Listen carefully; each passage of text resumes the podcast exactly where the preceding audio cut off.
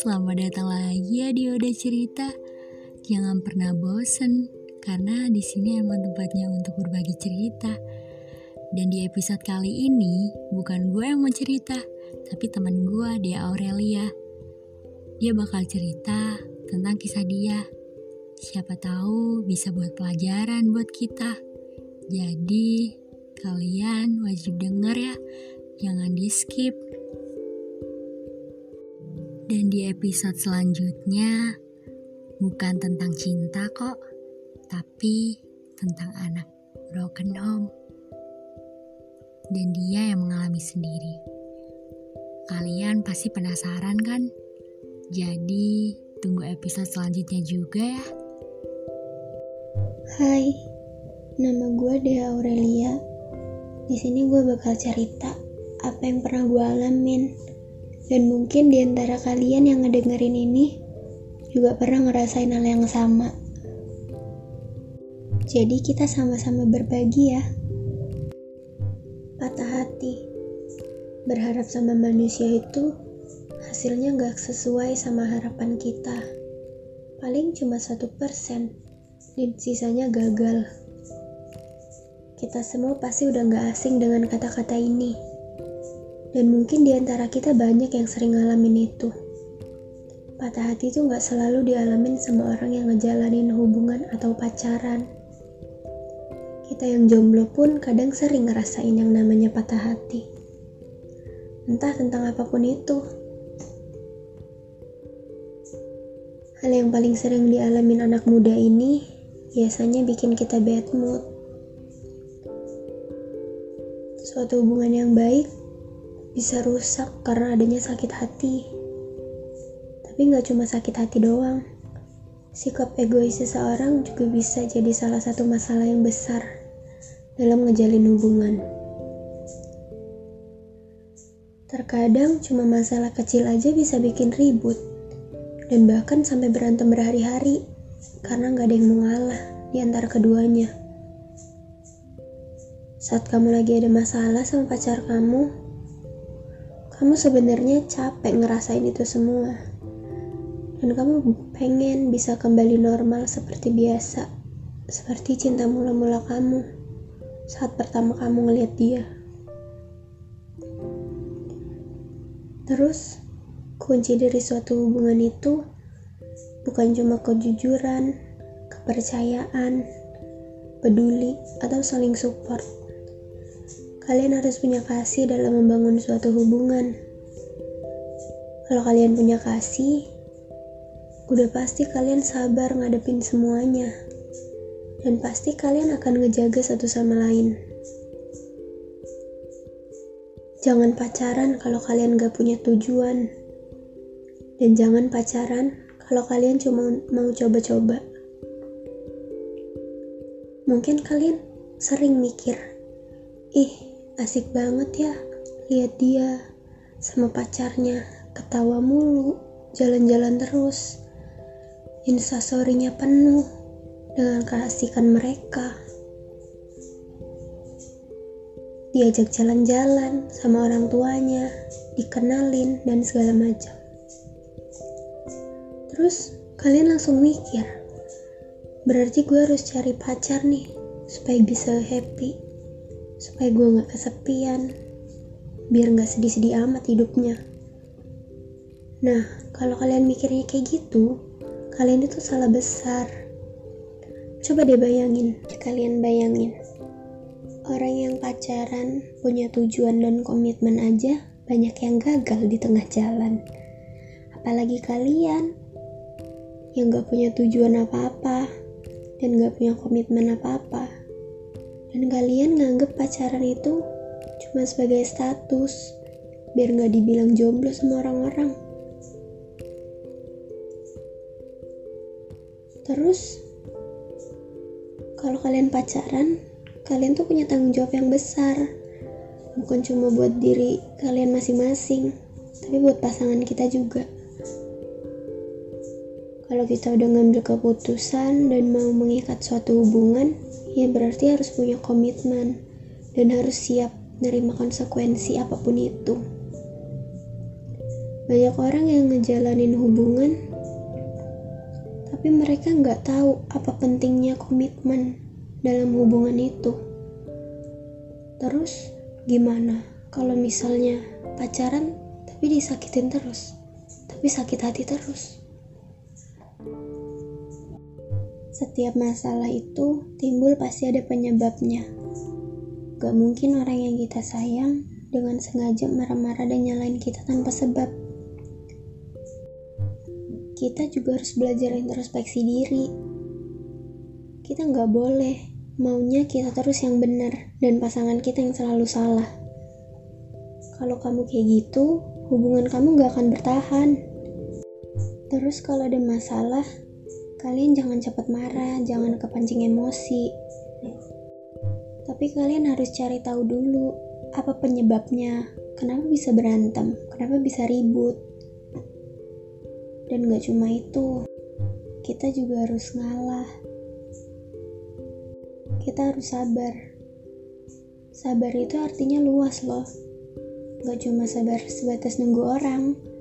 Sabar untuk gak marah, walaupun disakitin. Sabar untuk gak balas dendam. Atau sabar karena kalian mau buru-buru, tapi karena teman kalian lama, ya udah kalian sabar. Bukan itu semua. Sabar yang sebenarnya itu saat kalian ngalamin yang namanya long suffering atau penderitaan yang panjang. Mungkin kita sering disakitin dikecewain dibully difitnah diomongin yang gak benar sana sini tapi kita semua gak boleh naruh dendam sama orang itu. Mungkin kita mikir, oh ya nggak bisa gitu dong. Dia harus ngerasain apa yang kita rasain. Biar dia tahu rasanya jadi gue gimana, sakitnya kayak apa. Atau mungkin kita mikirnya gini, dia seenaknya sama gue, dikira gue bakal diam terus, dikira gue bakal ngalah terus Lihat aja ntar bakal gue bales. Semua harus adil. Pasti dari kita banyak banget yang ngalamin itu dan berpikir kayak gitu. Tapi kalau kalian mau bales itu semua, itu bakal sia-sia aja.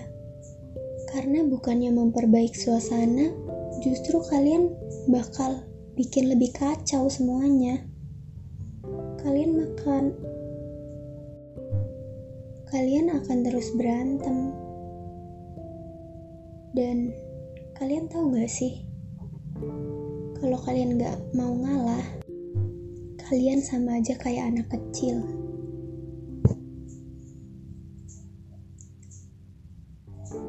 Terus kalau misalnya kita lagi ada masalah, pasti kalian bakal cari sasaran siapa yang bisa gue salahin. Tapi kalian pikir lagi, apa itu bakal memperbaik suasana? Apa itu akan baik untuk ke depannya? Pastinya enggak. Malah kalian akan jadi lebih buruk karena nggak mau ngakuin kesalahan.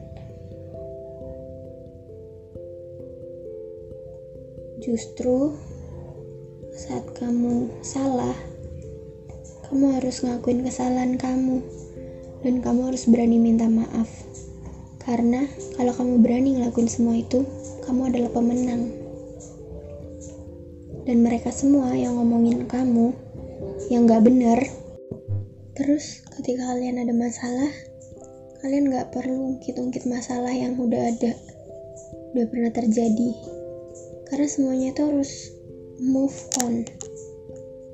Kalau kalian masih ingat-ingat terus masalah itu dan kalian masih bahas-bahas terus, kalian gak akan jauh lebih baik. Setiap masalah yang ada itu dijadiin pelajaran, bukan untuk diungkit-ungkit. Dan kalau kalian mau punya hubungan yang baik, lupain masalah itu. Walaupun berat, tapi kalian pasti bisa. Kalau emang kalian niat dalam ngejalanin hubungan dan kalian mau semuanya baik-baik aja.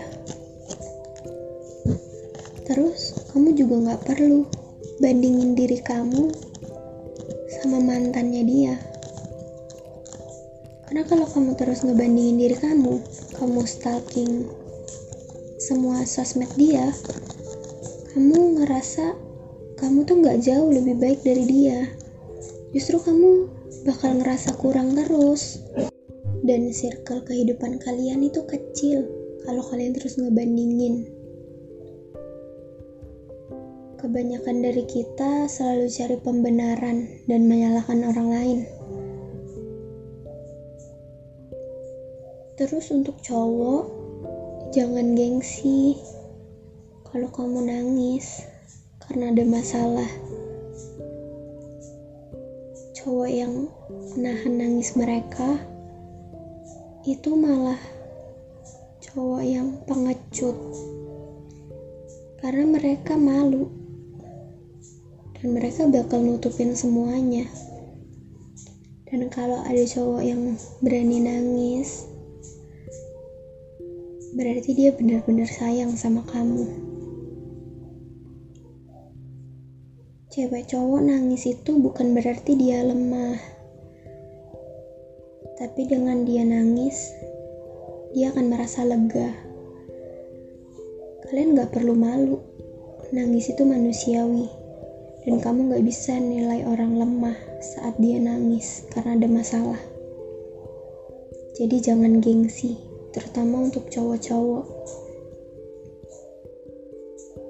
Dan yang paling penting, sebelum kalian ngambil keputusan apa pun, kalian harus berdoa dulu. Nggak peduli besar atau kecil masalah itu. Yang kamu harus ingat, kamu itu punya Tuhan yang jauh lebih mengerti isi hati kamu dibandingkan teman-teman kamu, bahkan orang tua kamu. Tapi bukan berarti orang tua itu nggak penting ya. Mereka tetap penting dan paling penting selama kita masih hidup di dunia. Jadi, berharap aja sama Tuhan, jangan berharap lebih sama manusia. Karena manusia bisa ngecewain, tapi Tuhan enggak. Dan setiap masalah yang ada, pasti kita semua bisa lewatin kok. Jangan nyerah. Kita semua manusia yang kuat. Kita hidup di dunia ini nggak selamanya. Dan masalah juga nggak selamanya